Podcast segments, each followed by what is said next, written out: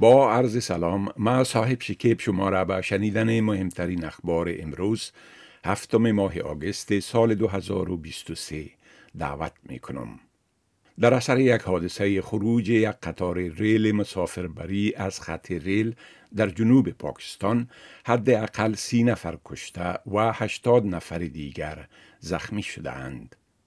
این حادثه زمان رخ داد که ده واگون قطار ریل در نزدیکی شهر نوابشاه در جنوب ایالت سند در 275 کیلومتری کراچی از ریل خارج و تعدادی از آنها چپه شدند. یک کارمند عمله نجات این حادثه را که مردم وحشت زده در جستجوی اعضای خانواده هایشان بودند غمانگیز توصیف کرده و گفت که با دیدن صحنه حادثه اشک از چشمانش جاری شد. عفو بین المللی ترجمانان و زنان افغان از حکومت استرالیا خواستند تا در دومین سالگرد تسلط طالبان در افغانستان کمک بیشتر را برای خروج افغانها از آن کشور فراهم کند. آنها می‌گویند که حکومت استرالیا باید روند رسیدگی به درخواستهای ویزه بشردوستانه را تسریع و جنایات حقوق بشری را که طالبان در افغانستان مرتکب می شوند محکوم کند. مرکز خبرنگاران افغانستان گزارش داده که طالبان سه رادیو و یک تلویزیون را در ولایت ننگرهار بستند.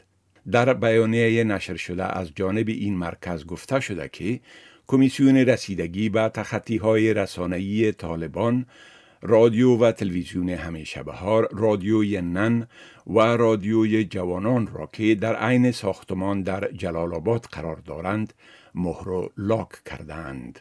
فهیم اتل یکی از بنیانگذاران همیشه بهار که اکنون در خارج از افغانستان به سر می‌برد هین صحبت در مورد این حادثه گفت طالبان تلاش دارند مدیر مسئول این نهاد رسانه‌ای را دستگیر کنند. مارک بطلر وزیر صحت استرالیا با آغاز عرضه دواهای ارزانتر می گوید که حکومت مصمم است تا در بخش دواخانه های اجتماعی کشور اعتماد به حمایت دولتی را ایجاد کند.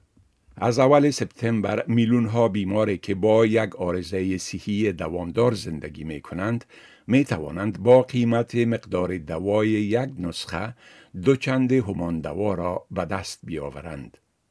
حزب لیبرال و انجمن دواخانه ها این اقدام را مورد انتقاد قرار داده و می گویند که ساکنان خانه های مراقبت از بزرگسالان و استرالیایی های مسنتر این مصارف اضافی دواخانه ها را متحمل خواهند شد. حکومت نیو ساوت ویلز 5.8 میلیون دلار را برای تامین مسکن به زنان و کودکانی که در سراسر نیو ساوت ویلز از خشونت خانگی و خانوادگی فرار می کنند تخصیص داده است.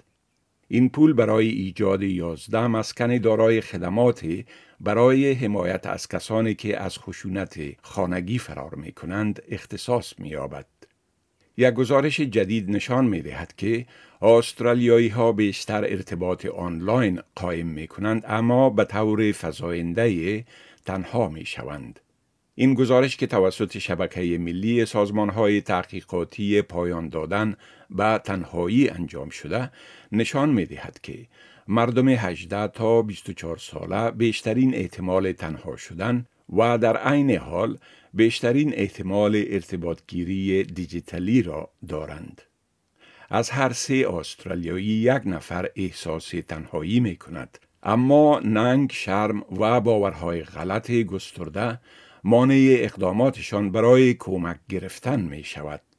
این بود خلاصه از مهمترین اخبار از برنامه دری اس آدیو.